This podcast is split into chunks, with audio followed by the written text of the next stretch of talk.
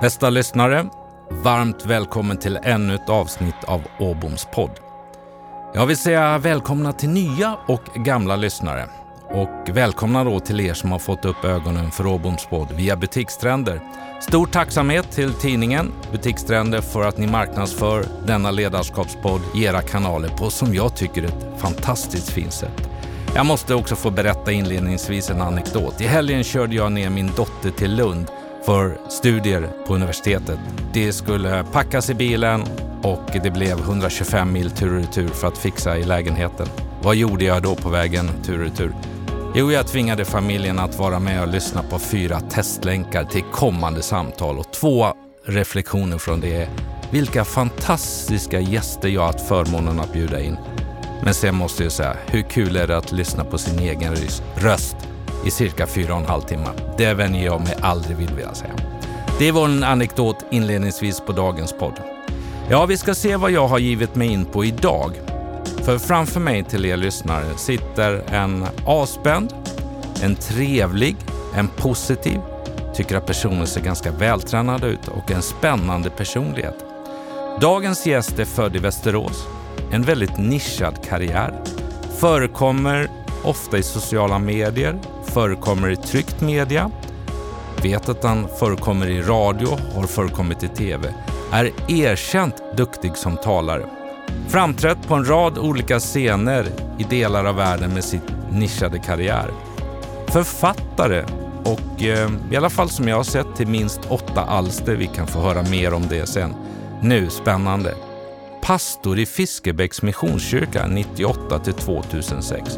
Idag är han kaplan i Sveriges riksdag, talade 2012 vid en gudstjänst i Storkyrkan som brukade inleda riksdagsåret, eller som gör det och sedan 2006 föreståndare för Philadelphia-församlingen i Stockholm.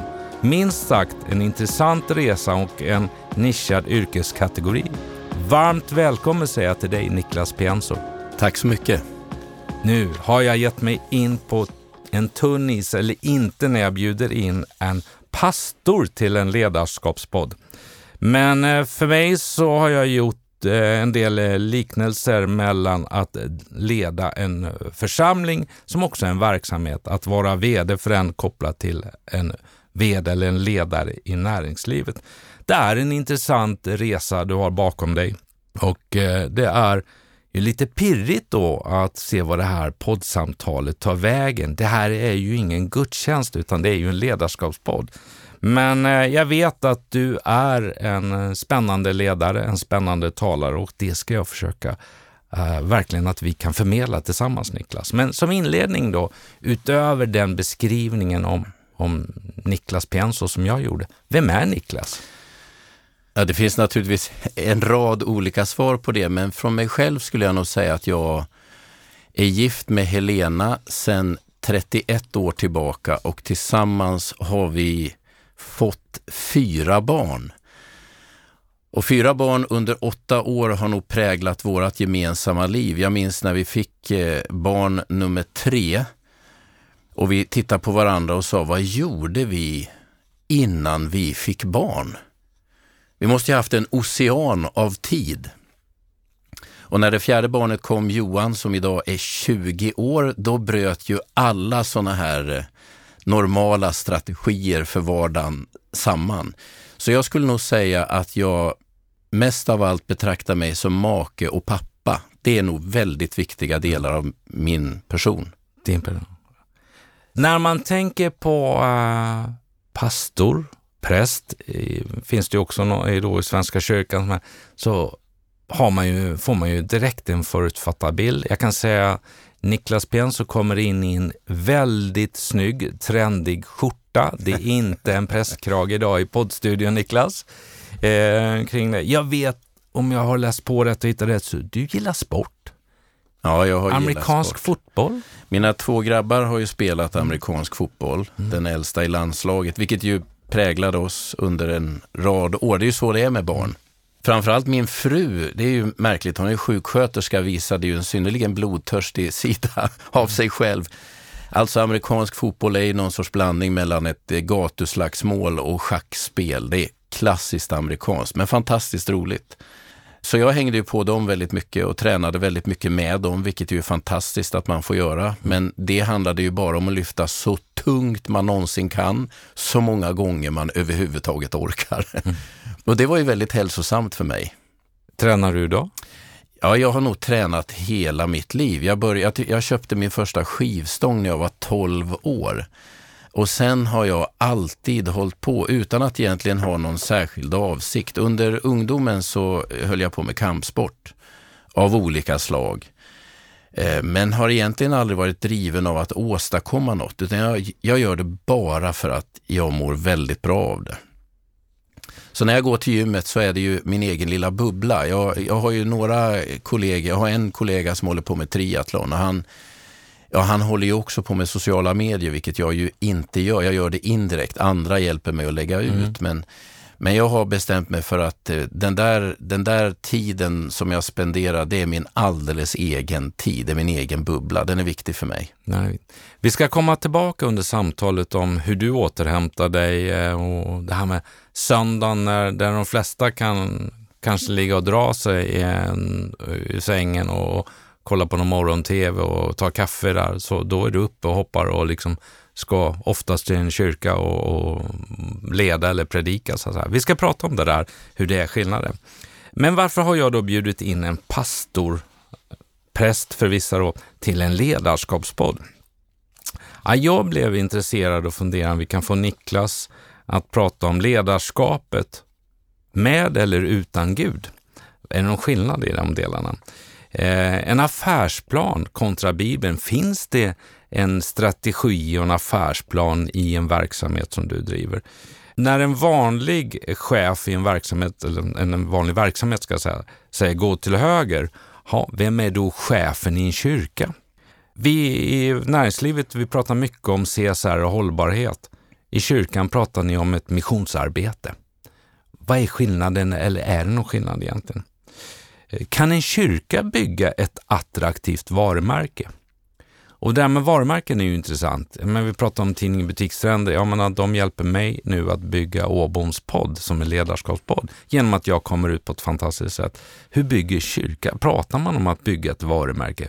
Vad är det som gör att människor kommer? Varför vill man gå och lyssna på Niklas Penso? Jag tänkte vi skulle se om vi kan hitta något där.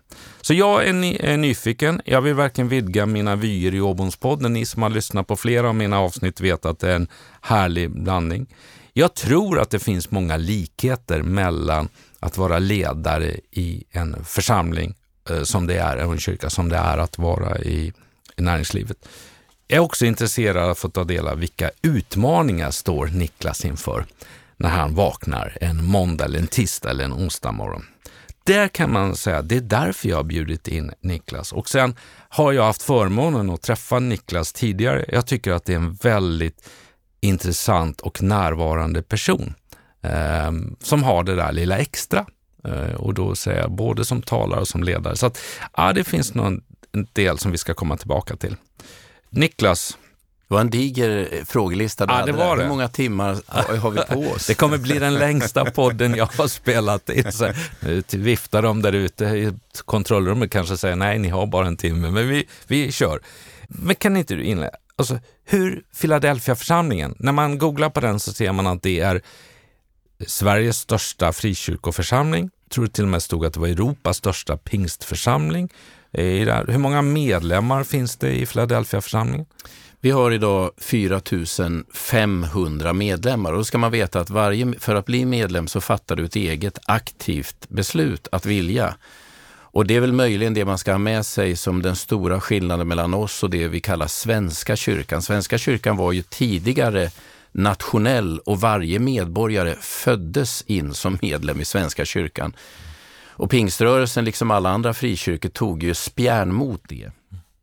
Våran inställning var och är fortfarande väldigt tydlig så att tro är ett personligt beslut som inte ska påtvingas någon utan man ska själv fatta det. Så förutom de här 5, 4 500 medlemmarna så finns ju oftast barnen, familj, familjemedlemmar som finns runt oss. Så vår verksamhet sträcker sig åtminstone mot det dubbla antalet människor, kan man säga. Där. En nyfiken fråga då för oss som inte känner till och kan. Hur, hur är en, en verksamhet organiserad hos dig? Jag menar, hur ser den ut? Eh, Eh, ledningsgrupp, eh, är du VD? Och, ja, kan du berätta lite? Jag, jag tror det här, jag är lite, vi använder ju lite andra ord. Föreståndare, det brukar ju i samhället användas som någon som är chef på en förskola eller något sånt. Ehm, det är ju ett ord som kommer från Bibeln det grekiska grundordet som vi har översatt till föreståndare, det är episkopos, som ju är ordet biskop. Så det är synonymt egentligen. Enligt våran bokföring, nu är jag ute på djupt vatten, så är jag nog koncernchef. Vi har koncernredovisning. Um, jag har ju ett team av medarbetare, anställda medarbetare som är pastorer, som alla då rapporterar till mig och är ansvariga inför mig. Vi har ju överenskommelser som jag tror liknar ganska mycket av det som finns i näringslivet. Hur man rapporterar, vilka, vilka uppdrag man har, vad man gör och vad man absolut inte gör. Ehm, som man står ansvarig för, en arbetsmiljödelegation. Vi finns ju på flera olika geografiska platser i Stockholm. Där jag ju då hade, jag har från styrelsen delegation på arbetsmiljö och så har jag gett det vidare i olika portioner. Sen tror jag det stora hos oss är ju inte att vi har anställda, det är runt ett 50-tal, utan det är ju den stora mängd volontärer vi jobbar med, frivilliga människor. Och jag gissar nu, det är länge sedan jag räknade, men inne i Philadelphia kyrkan vid Rörstrandsgatan, det är ju det de flesta tänker på, moderskeppet så att mm. säga. Där har vi varje vecka ungefär 700 volontärer som är med på olika sätt. Och Det betyder att jag som anställd, liksom alla mina medarbetare, vi har till primär uppgift att leda, stötta, coacha volontära ledare. Och det är ju ett jättespännande och ganska så komplext uppdrag. Vi, för oss, det är också en, en skillnad som man kanske ska, ska ha med sig, det är att e, ekonomi är aldrig ett mål utan bara ett medel hos oss. Det vill säga, det är inte så att ett framgångsrikt år har fina siffror på sista raden. Det är egentligen helt ointressant. Utan det vi försöker mäta på olika sätt, det är ju människors glädje, tillfredsställelse, alltså det här, de här existentiella målen av att känna mening, sammanhang, gemenskap. Det är det vi försöker se som vinst hos oss. Så på några punkter skiljer det sig åt, men på, på väldigt många punkter är det likt. Alltså det finns ju ingen kristen bokföring. Vi följer ju samma regler som alla andra i svenskt samhälle. Ja. Eh, ledarskapsmässigt så är det människor som är i alla andra sammanhang hos oss också. Det kräver ungefär samma saker. Men av de här cirka 50-talet anställda som du är ansvarig för, Eh, hur många av dem är pastorer, hur många av dem är administrativ personal eller annan typ av personal? Vi har två second hand-butiker. Där har vi en typ av personal, eh, fyra, fem stycken anställda. Sen har vi social verksamhet, framförallt i Tyresö eh, som heter Masten, där vi har arbetat med människor som är på väg ut ur ett missbruk. Sen är det mycket församlingsanställda och då är det ungdomsledare som jobbar med barn och ungdomar och så är det då pastorer som vi kan återkomma till den rollen. Mm. Och sen har vi ju naturligtvis som alla andra en, en administrativ stab som jobbar med ekonomi, lite personalfrågor, vaktmästeri, fastighetsfrågor. Jag skulle säga, nu chansar jag lite grann, att ungefär 25 procent av vår styrka är pastorer. Hälften lite drygt har uppgifter rakt in i det vi kallar församlingsliv. Arbetar med ungdomar, konfirmander, gudstjänstverksamhet, sång och musik. Resten av personalen jobbar ju då med administrativa stödfunktioner eller second hand-butiker eller sociala insatser. Så det här Niklas, eh, från föreståndare, biskop till koncernchef som vi pratade om inledningsvis, vad du är, så kan man ju ändå säga, du har ju lite av uh, en spridd, uh, alltså det finns ju affärsmannaskap, du ska driva en second hand. Jag har också läst att Philadelphia-församlingen på Rörstrandsgatan nu gör en jättestor ombyggnad, stämmer va? Vi gör ju den största satsningen i modern tid, möjligen sedan 1930. Vi har inte varit inne i något större. Vi bygger om, totalrenoverar hela Philadelphia kyrkan för 100 miljoner kronor plus moms. Så helt plötsligt så har du ju fastighetsinvesteringar att, att ta hand om och basa över också. Ja, det är lite intressant med tanke på att min bakgrund är fyra år eh, teologi. ja, den alltså, kopplingen ingen... är spännande. Och det betyder ju att, det fattar alla, att jag inte, jag aktar mig för att ta allt för stort eh, göra stora anspråk när det gäller fastighet och ekonomi. Jag har medarbetare och vi har professionella människor i styrelser runt detta som, som driver hela det arbetet. Men min roll när det gäller just byggnaden och processen att fatta beslut kring detta, för vi är ju en förening. Det är ju den legala struktur som mm. svensk lagstiftning har gett oss, gjort möjlig för oss. Mm. Betyder att vi då på demokratiska vägar ska liksom få eh, hela församlingen att försöka förstå det här ganska komplexa ärendet och sen fatta beslut tillsammans om detta. Det var en tvåårig beslutsprocess som jag ju då i huvudsak var strateg för. Min, min, mitt uppdrag var att fundera på hur ska vi kommunicera det här? Och då visade det sig nog att det var en fördel att jag inte är så kunnig. För när man talar med en del som kan bokföring och fastighet så fattar man ju absolut ingenting. Så jag tänker bara, nej men förklara så jag förstår, så ska jag förklara så alla andra också kan förstå. Och det var nog ganska bra för oss.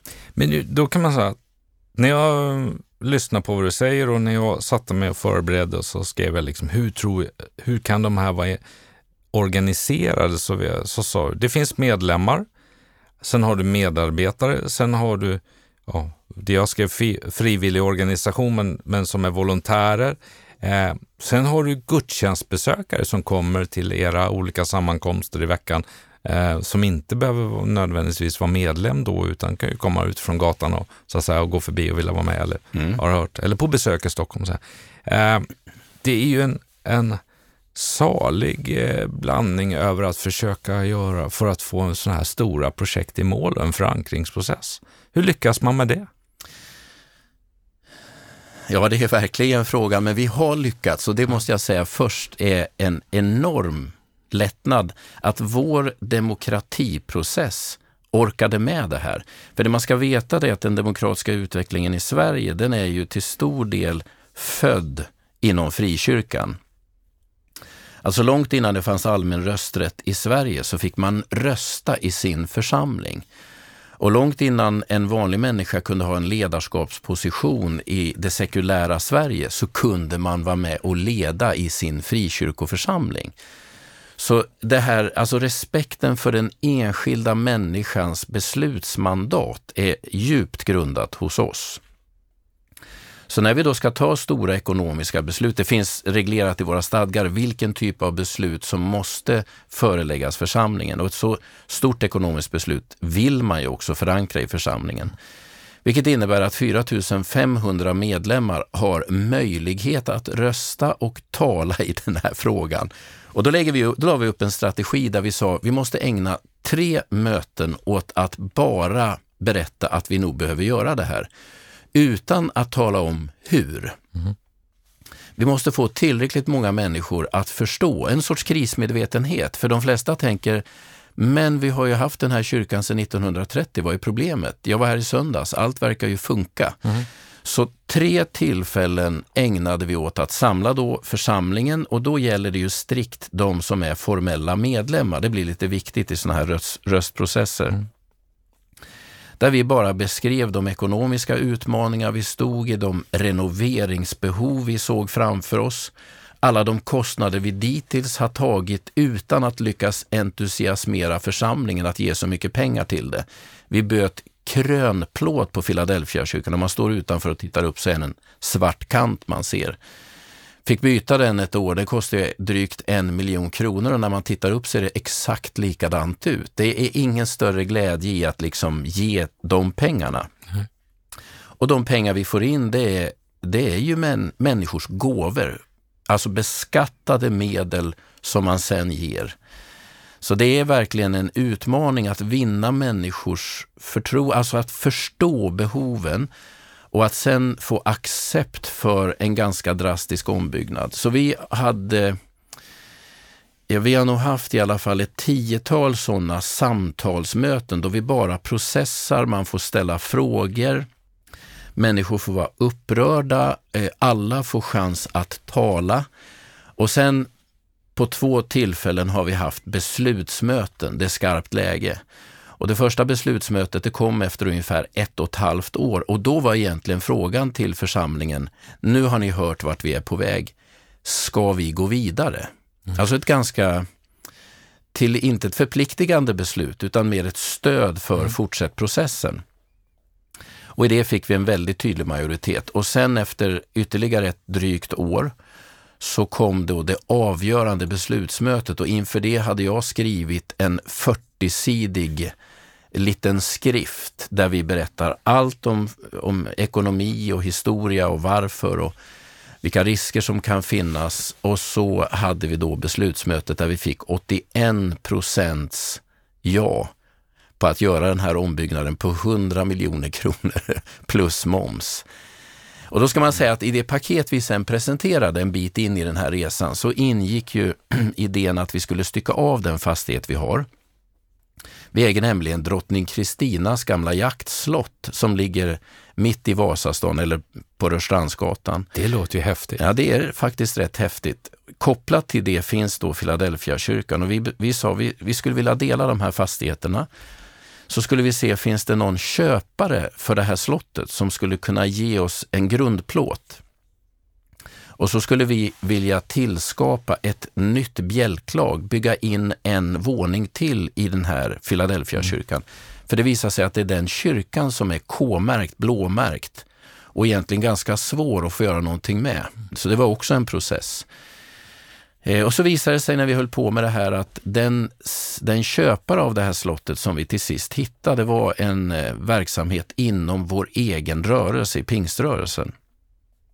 Kaggeholms folkhögskola som har legat ute på Mälaröarna, på Kaggeholm, som ville flytta in i stan och vi hittade en modell där de sålde det slott de hade plus fastighet och mark ute på Ekerö och så köpte de halva vårat slott för 75 miljoner. Så vi äger fortfarande hälften av slottet. Och känslan som då uppstår i församlingen när vi lyckas presentera den här idén, det är ju att det här är inte en avveckling, det här är en utveckling. Men när jag hör dig, Niklas, med det här, så tänker jag, om, om man går till eh, Philadelphia-kyrkan ni har uh, gudstjänster söndagar klockan 11? Ja, just nu just... har vi ju inga gudstjänster Nej. utan allt om man vill se vilka vi är, det finns på nätet. Det är på nätet, det är digitalt. Men när man, antingen man gör det eller före covid och när mm. vi kommer igång igen får, får gå dit, så ser man då Niklas Pienso uh, tala. Och du är inte bara du, du har väl medarbetare och andra pastorer som gör, men man ser dig göra det. Men när du beskriver det här så har ju du, det är inte bara det som det handlar om ditt uppdrag då. Nu har du liksom drivit en vision om, och fastighetsdel, förändringsresa. Jag vet att, att ni är väldigt digitala, det ser man. Vi pratade här eh, innan vi körde igång med, eh, med, med, Simon här utanför som, som liksom hur mycket ni gör och bygger på olika sätt, radio, sociala medier och så vidare. Ehm, men då kommer jag tillbaka till dig. Ledaren Niklas Pjönso, hur skulle vi beskriva dig som ledare i allt det här? Och det är ju jag inte alltid helt rätt person att svara på, men när man har gjort det, vi har gjort det, lite sådana här personlighetstester, alltså vilken typ av beteende har jag? Och då har vi använt en modell där också sex medarbetare får svara på hur de uppfattar mitt beteende. Och då blir ju jag en sån typ av person som i de här modellerna kallas för producer, alltså en sån som gillar resultat. Eh, jag, man kan tänka sig att jag är lite inspiratör, jag drar ju åt det hållet, men jag är rakt ut i kaklet när det gäller att se resultat. Eh, sen visar det sig då i de här resultaten att jag också har rätt stor flexibilitet, alltså kan anpassa mig och det tror jag är något jag har övat på. Ena stunden sitter man i en familj som har förlorat en nära anhörig och ska försöka bara finnas i den situationen. Du måste, alltså då får du släppa alla dina egna idéer. Vad du än gör, prata inte om dig själv och vad du tänker och vad som är viktigt, utan bara lyssna. Man måste öva in, vad gör jag just i den här situationen? Och vi hamnar ju ofta som i den här pastorsrollen i, i situationer som jag tror att de flesta andra ledare bävar inför. Att gå hem till en familj där ett av barnen har valt att avsluta sitt eget liv, det är inget man gärna gör, men det, är min, det ligger också i min uppgift. Det, är ju, det där gör någonting med en och det gör någonting med en syn på livet. Och så i nästa, eh, senare på kvällen, så har man kanske ett styrelsemöte och ska diskutera ekonomi och möjligen om vi ska, har vi rätt personalbesättning och så ska du plötsligt hantera den sortens frågor. Det, det det är en ganska så stor bredd på det. Men bakom alla de här olika besluten, för min egen del, så har jag ju alltid tänkt att det finns ett högre syfte med det jag gör. Det handlar inte om ekonomi, det handlar inte om egen vinning, det tror jag inte det gör för någon ledare egentligen. Utan jag tänker att det är, det är en högre makt som på något sätt har lett mig in i det här uppdraget. Och det skänker både en sorts tröst, vila och en sorts visshet om att på något sätt ska vi komma igenom det här. Jag ska klara ut det här. Och vid dagens slut så är det, så är det de existentiella frågorna och min förmåga att möta människor i sorg, i glädje, också att möta mina kollegor i besvärliga situationer. Att kunna ge människor tro, hopp och kärlek, att kunna ge de värdena in i människor, det är det som är det väsentliga i mitt ledarskap. När jag sitter och tittar på en kalkyl, eh, då kan jag se det eh, eller komma fram till det och eh, när man har ett ledningsmöte så olika idéer. Ska vi gå på den investeringen? Ska vi gå på den marknadsstrategin? Ska vi göra det? Eh, så kommer ju magkänsla in. Det här kan ju tyckas då vara en banal fråga, men du får ta den för jag menar, alla har vi någon form av relation Eh, Eh, till kyrkan och till en gudstro i Sverige. Antingen som man, nej den finns inte eller ja den finns eller den lever för mig. Den är lite olika. Men, men min magkänsla då som bolagsledare, kliver Niklas istället fram och säger, ja men Gud sa så här. Hur, alltså hur, när du sitter med din styrelse, när du sitter med dina närmsta passorer, hur funkar det? Nej, men jag tror att en sak är viktig att förstå. Jag inser när jag läser en del reportage när människor ställer frågor kring folk, till exempel i ledarskapspositioner som varit öppna med att de har en tro och så frågar man, ber du? Och underförstått ligger det där, har du någon sorts hemlig superkraft som du tror att du kan använda för att få igenom din vilja? Mm. Alltså är Gud någon sorts medel för dig att påtvinga andra din uppfattning eller få igenom din tanke kring det här? Då har man i grunden miss, missuppfattat det vi kallar kristen spiritualitet eller kristen andlighet. För när jag ber till Gud så är inte min tanke, Gud gör nu det jag vill. Fixa det här omkring mig. Det är klart att så ber jag ju många gånger, men jag vet i grunden att det inte är så det funkar. Mm. Utan den kristna bönen har som grundläggande syfte att Istället för att jag ska påtvinga andra min vilja så ska jag försöka uppfånga vad Gud vill. Att Gud ska leda mig oberoende av mina egna möjliga personliga motiv i bakgrunden. Så kristen spiritualitet handlar mycket mer om att, att liksom ödmjuka sig, att försöka vara lyhörd. Att det finns kanske ett större sammanhang än just det jag själv är besjälad av, som jag behöver förstå och ta hänsyn till. Så Ja, vi brukar alltid be i Philadelphia församlingens olika ledargemenskaper när vi står inför viktiga frågor.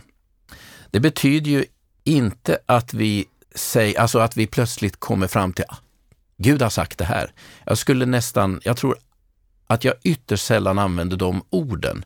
För det är ju att det är att ikläda sig enorma anspråk. Mm, det kan jag förstå. Eh, jag kanske har sagt det en eller två gånger i livet, för jag vet att den megafonen, den gör ju att den som verkligen tror att Gud finns och kan tala, och tänker nu finns det inget mer att diskutera. Jag vill aldrig använda den typen av argument. Du har ju ett grymt ansvar därför att människor, beroende på vad de är i för sinnesstämning och situationer, de är ju otroligt sårbara eller mottagna och när en ledare på en, i en talarstol säger så, så är Ja, men du vet, det här är också en form av härskarteknik som ju då finns inom kyrkan. Mm.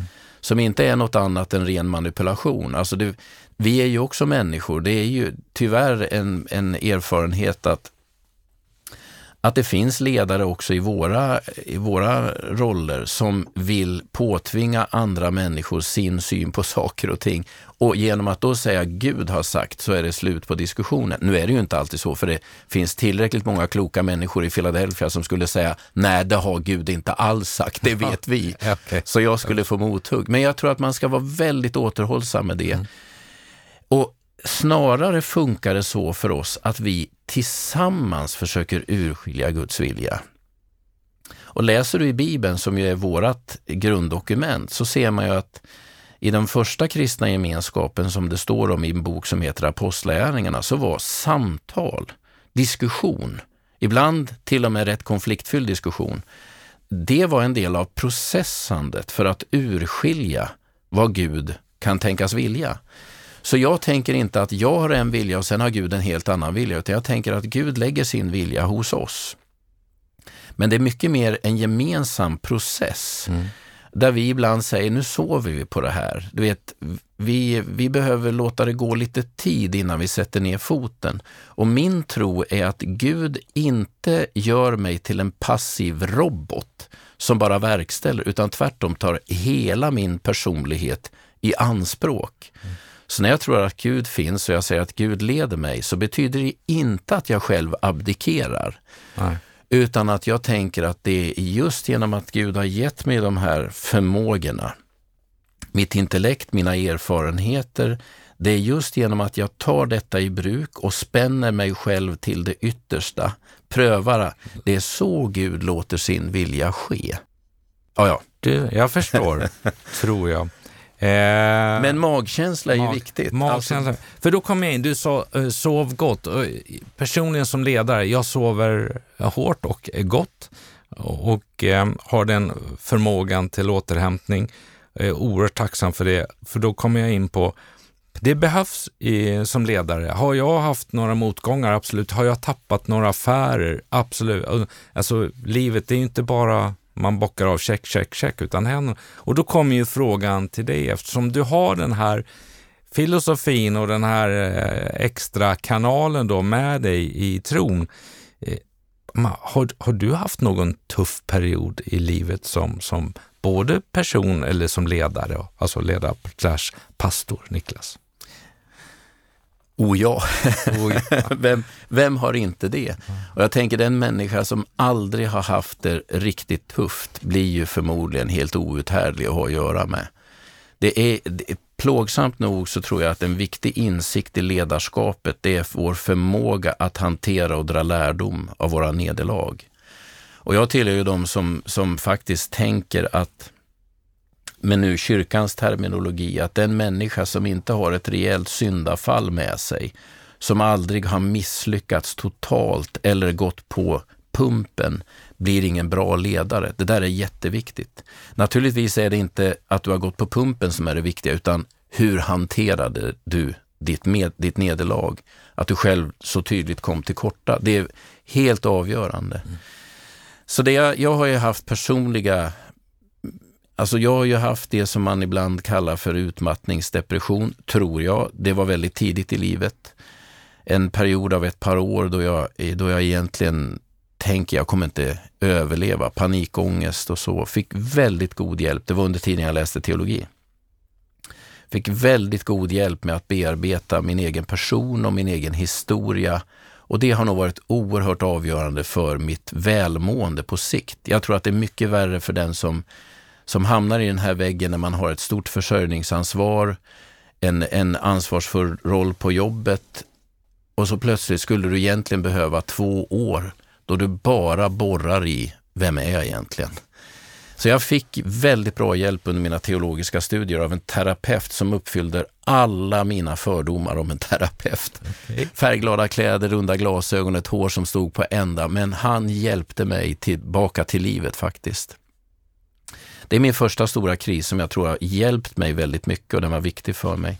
Den andra krisen den är en extern kris. Jag var ju med i, i um, identifieringsteamet vid Göteborgsbranden.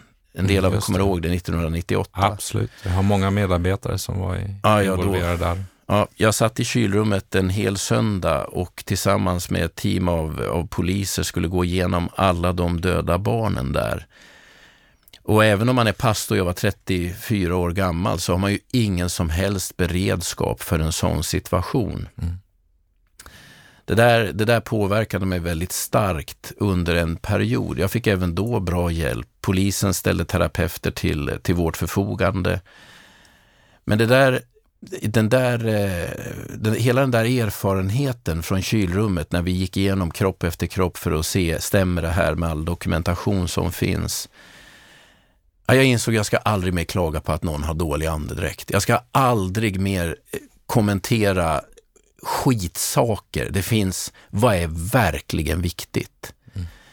Och det där brukar jag återvända till, alltså den där erfarenheten att jag har suttit i det där kylrummet. Vad var det jag insåg då? Ja, men det finns saker som man bara ska skaka av sig. Det är helt oväsentligt. Det där är ingenting, det där är bara min personliga prestige, helt oväsentligt i längden.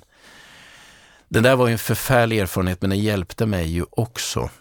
Sen har jag ju som alla andra ledare hamnat i den här känslan av att vara missförstådd. Ni vet, mm. i en församling med 4500 medlemmar där folk bildar grupper och kring till exempel vår ombyggnadsfråga menar att eh, vi inte talar sanning, det sprids olika typer av information och så kan du inte komma åt det. Du måste, du måste bara lita på processen. Det var det jag och min kollega sa, vi som ledde det här. Håll i, vi litar på processen. Lita på att majoriteten av människor i slutet är kloka. Får de lite tid på sig att höra vad vi säger så kommer de att fatta. Men det är extremt frustrerande. Jag förstår det. 81 procent röstade ja, 19 procent röstade då inte ja. Hur funkar det? Går de hem och säger nej, till den kyrkan går jag aldrig mer igen? Eller hur, hur resonerar den gruppen av människor? Jag kan inte säga det. Jag tror att några i den gruppen, det var olika motiv tror jag. Några de, de hade nog bara genuint svårt att våga ta ansvar. Jag vågar inte, det är för stora pengar. 100 miljoner, du vet för en, en pensionär som, som inte alls disponerar de pengarna, det är svårt att tränga igenom. Va, vad är det vi ska säga ja till? Hur kommer det här att gå? Det, jag har all respekt för, för den inställningen. Några tror jag tänker det här, hela det här upplägget är fel. Men det är till sist ändå bara en fastighetsfråga. Mm. Jag höll inte med, det gick inte min väg, men det här är fortfarande min församling och jag trivs väldigt bra. Vi löser det här ihop. Ingen har, jo en person har begärt eh, utträde ur församlingen på grund av detta. Då skulle jag bedöma er process som otroligt välgrundat, pedagogiskt och framgångsrik skulle jag säga om jag tog det utifrån ett företagsledarperspektiv. Ja. Och stort grattis i så fall. Ja. Det måste man ju säga. Faktum är att jag tror, jag tror att du har rätt och då skulle jag önskat att jag själv kunde ta åt mig äran för detta, men så enkelt är det inte heller, utan vi var ju ett team. Mm. Framförallt min medarbetare Sören Eskilsson och jag som tillsammans har stöttat varandra, vilket också är en sån här lärdom. Gå inte själv. Var inte för ensam. Du behöver någon att prata med. Jag har ibland tänkt att det är lite grann som hemma. Du vet, när man, som vi har fyra barn så kommer man ibland i ett läge då jag och Helena behöver sätta oss själva och diskutera. Mm. Vad gör vi nu? Vad är klokt eller inte? Och barnen har, tror jag alltid förstår när mamma och pappa behöver prata en stund. Däremot när pappa tar med sig äldsta dottern in eller, eller pappa tar med sig sonen in, då blir det lite konstigt. Alltså i alla organisationer behöver man veta vem är mamma och pappa. Och det, att de har en diskussion i ett slutet rum som vi andra inte ingår i, det är helt okej. Okay. Men det är viktigt med den där rollfördelningen. Jag hoppas du fattar den här mm. beskrivningen. Och det där har också varit en stark hjälp. Jag, har ju, jag är föreståndare, men jag har en vice föreståndare och vi två har tillsammans kunnat processa väldigt mycket. Runt oss finns också en styrelse där det finns en ordförande som också har varit väldigt avgörande. Alltså en sorts föräldratrio skulle man kunna tänka. Mm. Sen har alla våra barn medarbetare, och det är ju ingen vacker bild av, men förstå ja, språket där. Har inspel och, och, deltar, men det är viktigt att rollspelen mm. är klara och det tror jag har varit en stark hjälp för mig. När man är pastor som du för den största eh, frikyrkoförsamlingen och har varit det sedan 2006. Det är ju några år. Själv har jag nu varit vd och koncernchef i sex år. Det är det längsta jag har haft en och samma uppdrag eller titel som man säger. Eh, kan man göra karriär som präst eller pastor? Vad, vad, vad, vad kan du göra för någon eh, karriär om du ska Nej, men, jobba i 20 år till? Ja, utifrån mm. sett så, så har jag ju gjort karriär. Den roll jag nu har är ju en av de mer framträdande som finns inom frikyrkorörelsen i Sverige. Ändå skulle jag vilja tro att de flesta av oss som blir pastorer, vi väljer medvetet bort karriärtänkandet. Det är inte det som driver oss, utan det är andra motiv. Sen, sen finns det en mänsklig sida av det här, att få en utmaning. Att, att verkligen, jag behöver en utmaning. Så när den här frågan kom, då jag bodde i Göteborg, i Fiskebäck, fem, fem minuter från havet, en fantastisk församling, så, så startar ju många processer in där man till sist tänker Philadelphia-församlingen i Stockholm, om jag säger nej, vad kommer hända i mig då? Kommer jag resten av mitt liv gå och grubbla på, hade jag klarat det? Mm. Ehm, och sen då, eftersom vi var inne på det här med Guds vilja, så uppfattade jag då, det här är ju förmätet att säga, men jag uppfattade ändå att att Gud liksom la den här frågan till mig. Välj du vilken väg du vill gå. Bägge kan bli bra. Mm. Ehm, och inte så att jag därmed abdikerar, utan tvärtom. Det kommer att kräva ditt allra yttersta och det behövde jag. Men om man då är framåtlutad som du, producer, eh, det lite så du beskrev, vill, är du en inspiratör, innovatör, och så har du nu i 14 år lett då den största. Där. Och du är fortfarande ung och har många producerande aktiva år kvar, Niklas. ung säger du väl därför att vi är rätt jämngamla? Ja, jag vet. Det var lite, jag ville titta mig själv i spegeln där. Jag får med mig den energin. Ja, men jag känner mig ung och, och eh, har ju så mycket kvar och är så nyfiken. Tycker det är härligt att få vara med och jobba och producera. Kan jag säga. Det driver mig. Men, men eh, hur motiverar du det? Hur ser du, hur skapas de här utmaningarna som triggar dig då? Nej, men om jag, jag skulle eh, kanske kunna tänka mig att mitt yrkesliv, om man jämför det med en hockeymatch, då är jag ju faktiskt nu i tredje perioden. Och den tredje perioden är ju då matchen avgörs. Inte i första perioden, inte i andra perioden, utan det är först när man blåser slutsignal som man vet hur det gick. Tredje perioden är alltså den enligt min mening, viktigaste. Men det är ju inte då jag själv ska kamma hem alla resultat, utan det handlar om att nu ska jag se till att mina efterträdare kommer på plats. Att det finns, att nästa generation ledare i kyrkliga sammanhang känner sig motiverade, ser möjligheter, vill kliva in i detta och med goda motiv. Så jag tänker att den period jag nu är inne i, den har lite samma funktion som den här podden.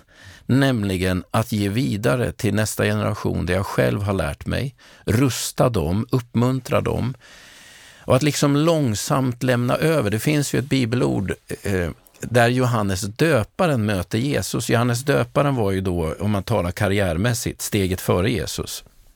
Han hade dragit igång en rejäl folkrörelse nere vid Jordanfloden och så kommer Jesus.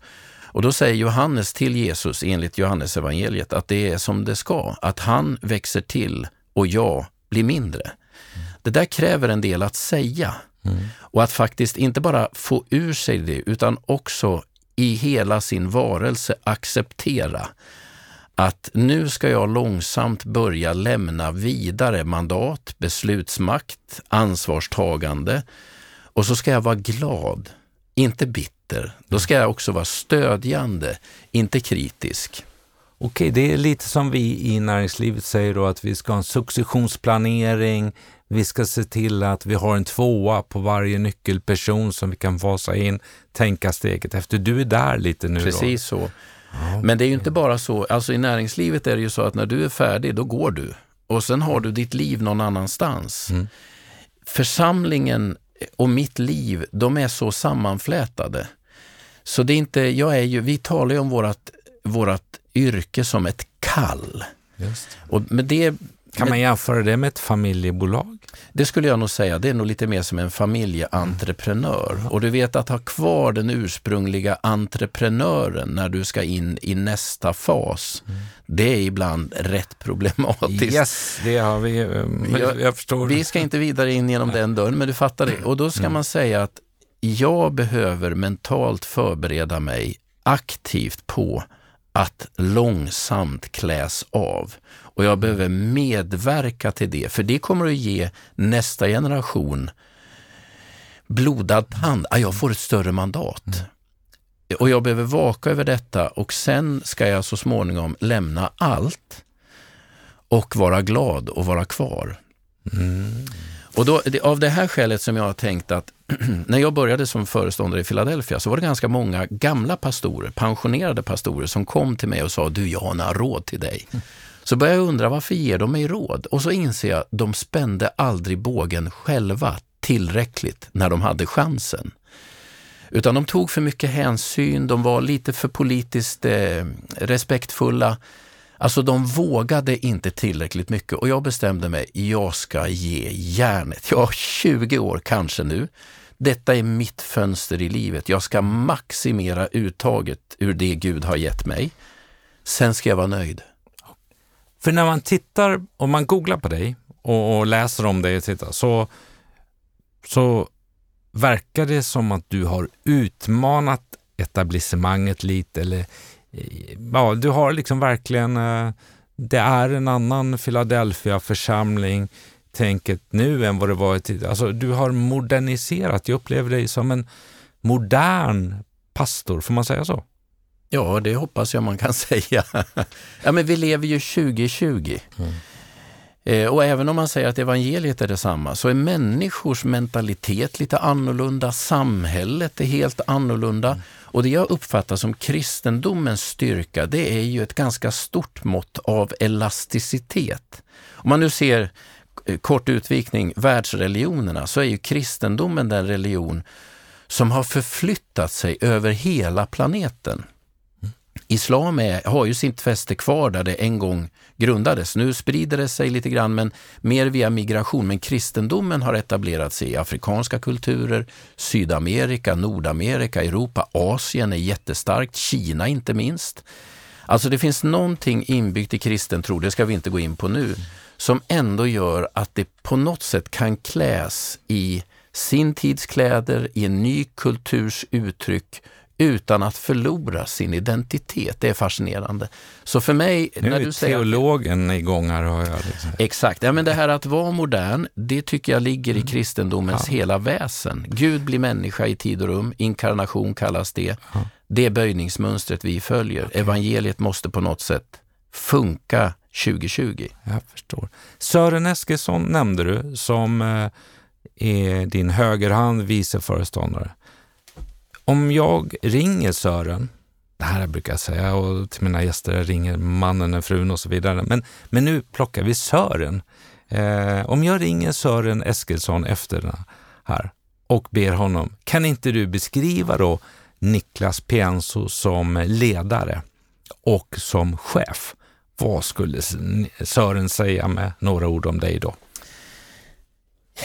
Jag tror att han skulle säga, det här är ju svårt, det här är djupt vatten. Aha. Jag tror att han skulle säga att jag ger ett stort mandat, att jag är på det sättet väldigt generös och det uppskattar han.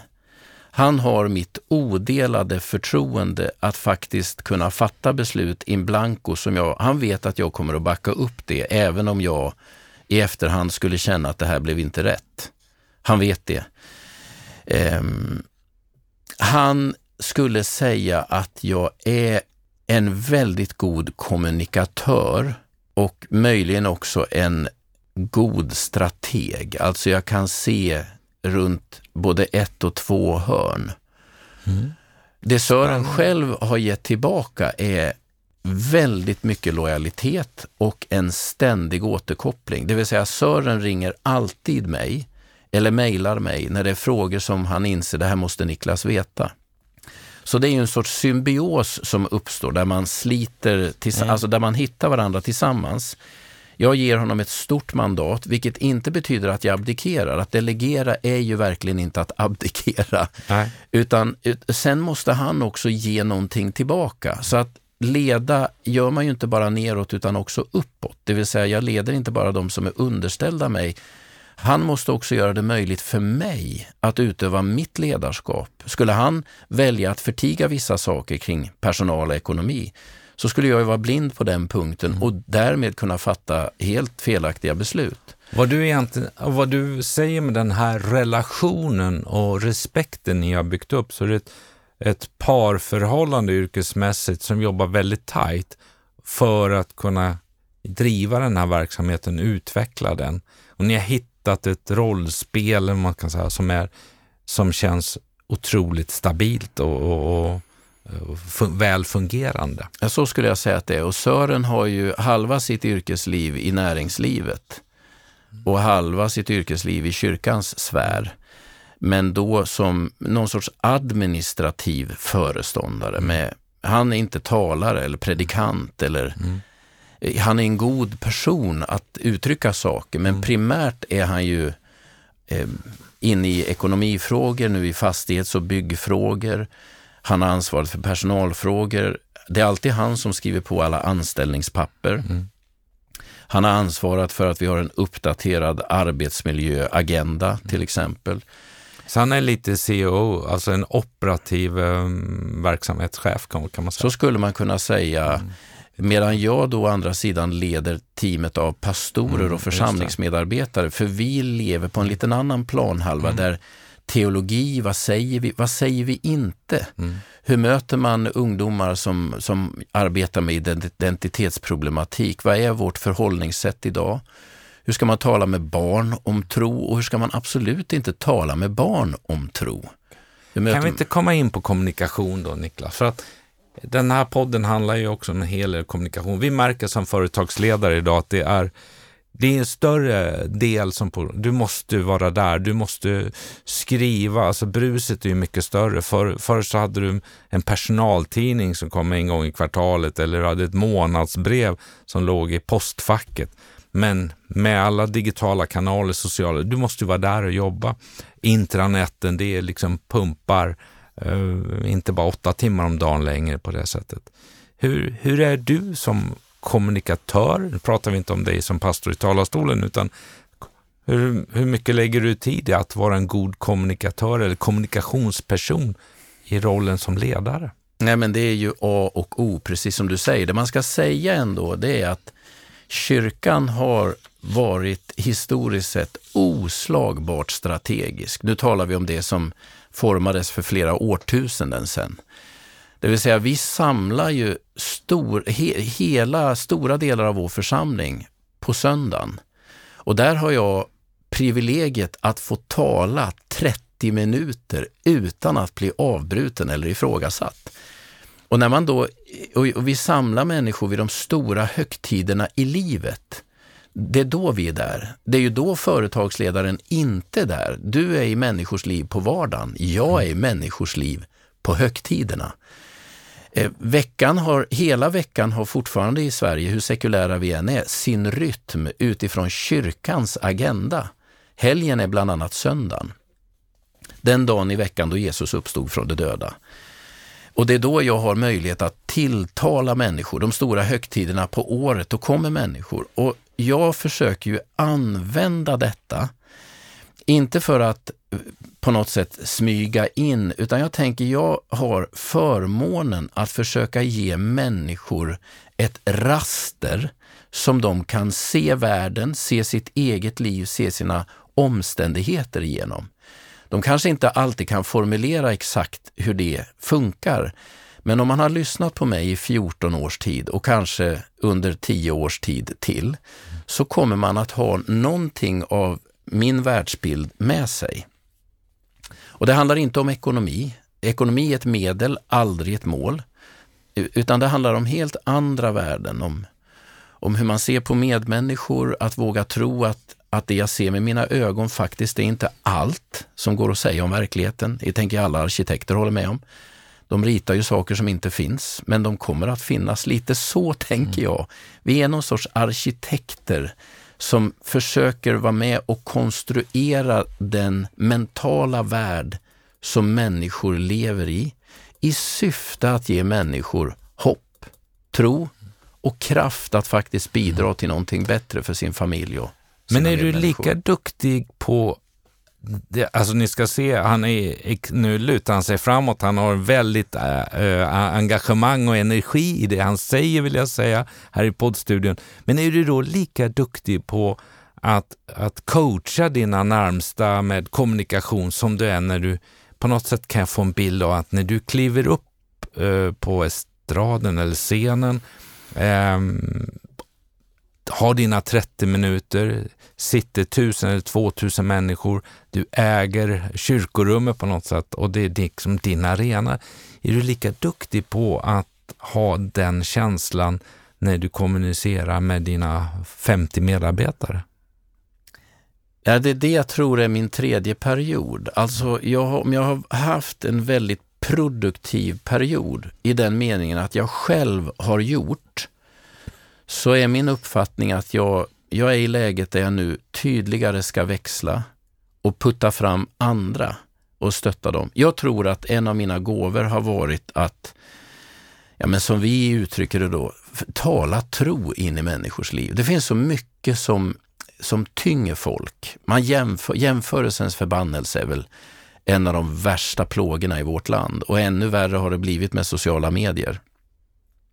Att få människor att tro på sig själva, inte därför att man är perfekt, utan så halvdana vi är så räcker det ändå väldigt långt. Mm. Att få människor att acceptera att jag kan göra saker halvbra ibland, men det kommer en ny chans och den kommer du ta vara på. Att på något sätt hela tiden få människor att tänka, att det blir, det blir bättre imorgon. Mm jag kommer göra det här bättre nästa gång. Det här var ju riktigt bra. Sen har jag ju otroligt talangfulla medarbetare måste jag säga.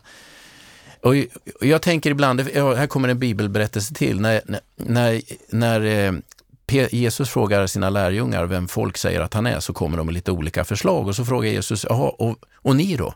Vem tror ni att jag är? Och då säger Petrus, som är den mest framträdande, du är Jesus, den levande Gudens son. Och då svarar Jesus till Petrus och säger, och du är klippan. Och på den klippan ska jag bygga min kyrka.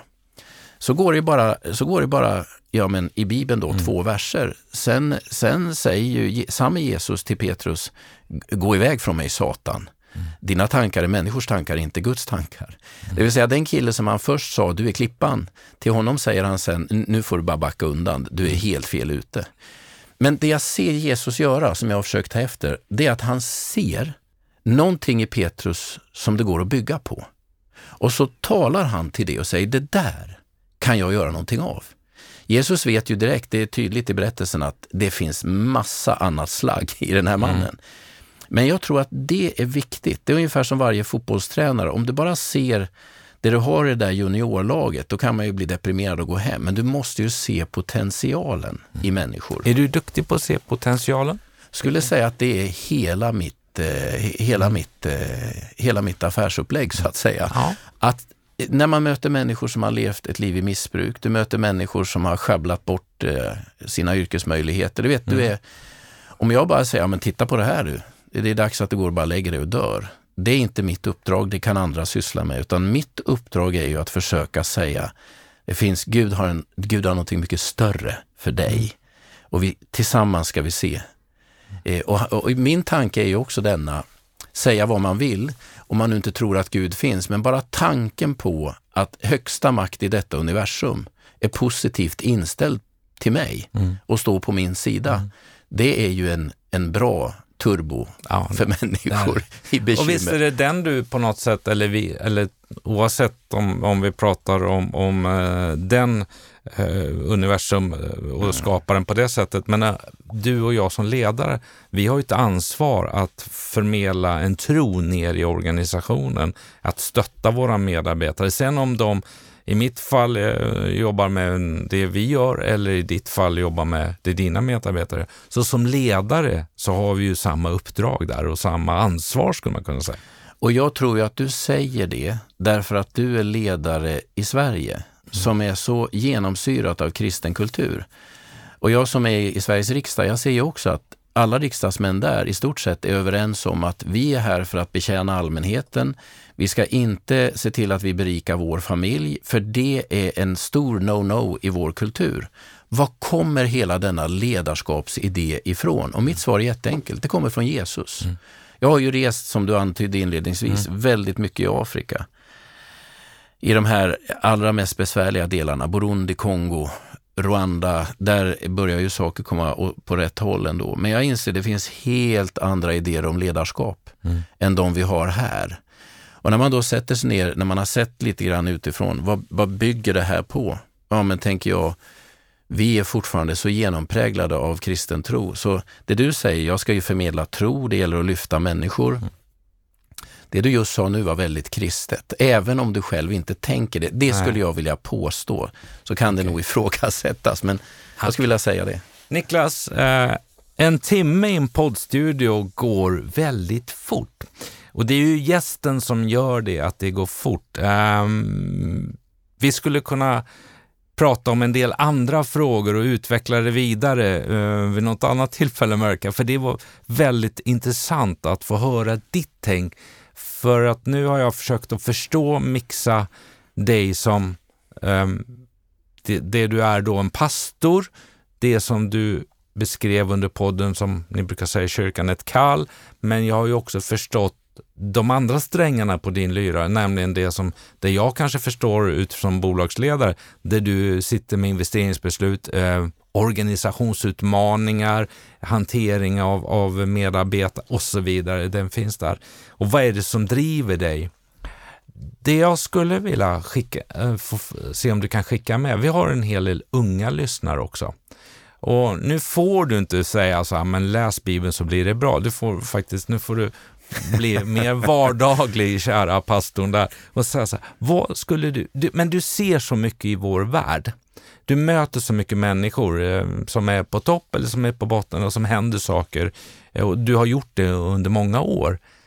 Jag kan ju också då tänka som själv som pappa till två härliga barn och ungdomar som nu är på väg ut i livet. Liksom, att ge dem rätt värderingar och, och hjälpa dem på något sätt eller ja, på något sätt lägga grunden. Vad skulle dina råd som fyrbarnspappa, bolagsledare, mm, så att säga en verksamhetsledare, vad skulle det vara till unga människor idag att tänka på? Ja, men jag kan bara dela med mig av det jag själv har följt och så får man fundera på vad man kan ta ta av det. Jag har haft tre ledord i mitt ledarskap sedan jag egentligen började. Det är ordet frihet, det är fasthet och det är enkelhet. Det vill säga låt människor omkring dig känna frihet. Jag vill inte att människor ska vara bundna, känna sig kuvade. Jag skulle önska att människor som fanns runt mig kände, här är lätt att andas. Jag sett människor fria, då får du lojalitet tillbaka. Så frihet är en nyckel. Fasthet, ja är ja och nej är nej. Var tydlig, var fast. Ett handslag från dig, det måste hålla. Sen kan vi alla misslyckas, men den är också viktig. Ha konturer, var tydlig. Och enkelhet. Gör det enkelt. Du är, var inte så högtidlig, var inte för storsint, sådär liksom storvulen. Så frihet, fasthet och enkelhet, de tre orden har faktiskt hjälpt mig i mitt ledarskap. Det försöker jag säga till mina egna barn. Alltså, försök inte styra andra människor, kontrollera andra, sätt dem fria. Ja, men hur tänker de, vad vill de? Det vet inte du, bara sätt dem fria. Se till att du vet vem du själv är. Ha fasthet, ryggrad, konturer. Och sen gör det väldigt enkelt. Var enkel. Det tycker jag har varit tre goda ord som har hjälpt mig. Om, om jag skulle lämna något till unga ledare så skulle det vara de tre orden. De är bra att följa. Tack! Niklas Pienso, gift med Helena sedan 31 år och tillsammans har ni fyra barn. En eh, titel som vi försökte reda ut, eller som fick klarhet, är Niklas föreståndare? Är han VD? Är latinska ordet, eller hebreiska ordet, biskop? Var det latinska ordet? Grekiska. Grekiska, tack. Eh, eller är han koncernchef? 50-talet anställda idag i Philadelphia-församlingen som eh, har många volontärer, som har över 4 000 medlemmar, där ekonomin inte är ett mål utan det är ett medel för att kunna utveckla verksamheten och göra gott. Det är en demokratiprocess som är omfattande. Det handlar om att få accept. Det handlar om att bygga ett förtroende. Och det har ni visat när ni skapade en strategi kring att kunna göra en jättestor investering i en anrik K-märkt byggnad som eh, ligger på Rörstrandsgatan. Niklas som profil, den är framåtlutad, den är eh, pådrivande och eh, lite strateg. Niklas har också baserat på eh, sin teologi, teologiska utbildning och resa pratat om värdet av som ledare att kunna göra sina analyser. Väl medveten om härskartekniken kopplat till att Gud säger. Men en Niklas för mig efter dagens samtal, det är en vanlig person samtidigt som det är en ovanlig person. Som har talat om att skapa tryggheten i rollerna Vem är mamma och pappa? Och Niklas är just nu i sin karriär inne i tredje perioden av en hockeymatch där det handlar om att rösta och uppmuntra för de kommande. Jag måste personligen säga att det där tar jag med mig. Det var otroligt, mo ska man säga, moget låter lite fel, men ah, smart och eh, riktigt genomtänkt. En person som älskar att eh, kliva upp eh, på söndagen för att få äga arenan i minst 30 minuter från talarstolen eller scenen, estraden som man sa för. Där vi vanliga företagsledare jobbar med att coacha och leda på en vardag så tar du hand om människor under högtiden. Du är arkitekten i ditt sätt att tänka som ledare.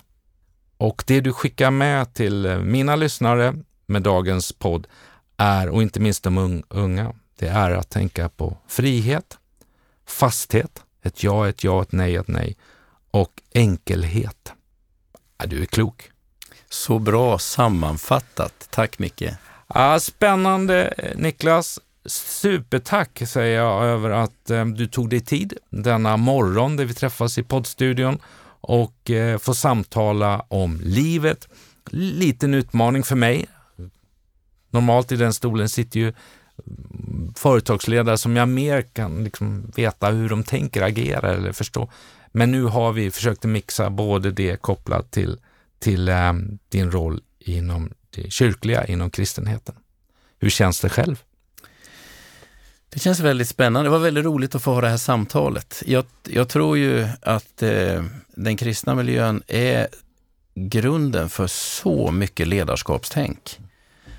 Berättelsen om Mose och uttåget ur Egypten, ett land som flyter av mjölk och honung. Väldigt många sådana ordspråk och uttryck lever kvar beroende på att det faktiskt är ledarskapsberättelser. Nästan ibland mer än något annat. Värt att läsa dem och meditera över dem. Mm. Så jag tror att, ja, det var väldigt roligt att få komma hit tycker jag. Härligt. Tack Micke. Tack för att du har skapat eh, min dag, gett mig energi och gett mig en hel del att tänka på framåt. Niklas, eh, mina gäster får alltid avsluta podden med att önska en låt som har betytt något eller som har varit med en del av livet eller som är en favoritlåt. Eh, ja, det här blir ju spännande att ställa den frågan till en pastor, en föreståndare.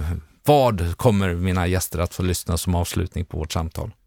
Nej, men jag, jag sa ju här innan att det är ju två låtar som är på ett sätt varandras motsatser och jag vet ju vilken jag ska välja nu.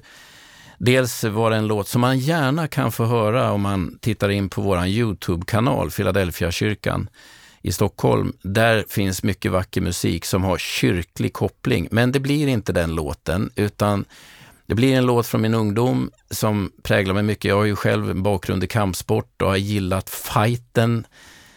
Jag brukar ibland tänka hur vi talar om livet. Är livet en fest? Är livet en strid? Eller är livet en kamp? Så är nog livet lite mer av en kamp och en tävling i min mentalitet, vilket är väldigt luststyrt för mig. Så här kommer en låt från Rocky eh, som heter The Eye of a Tiger.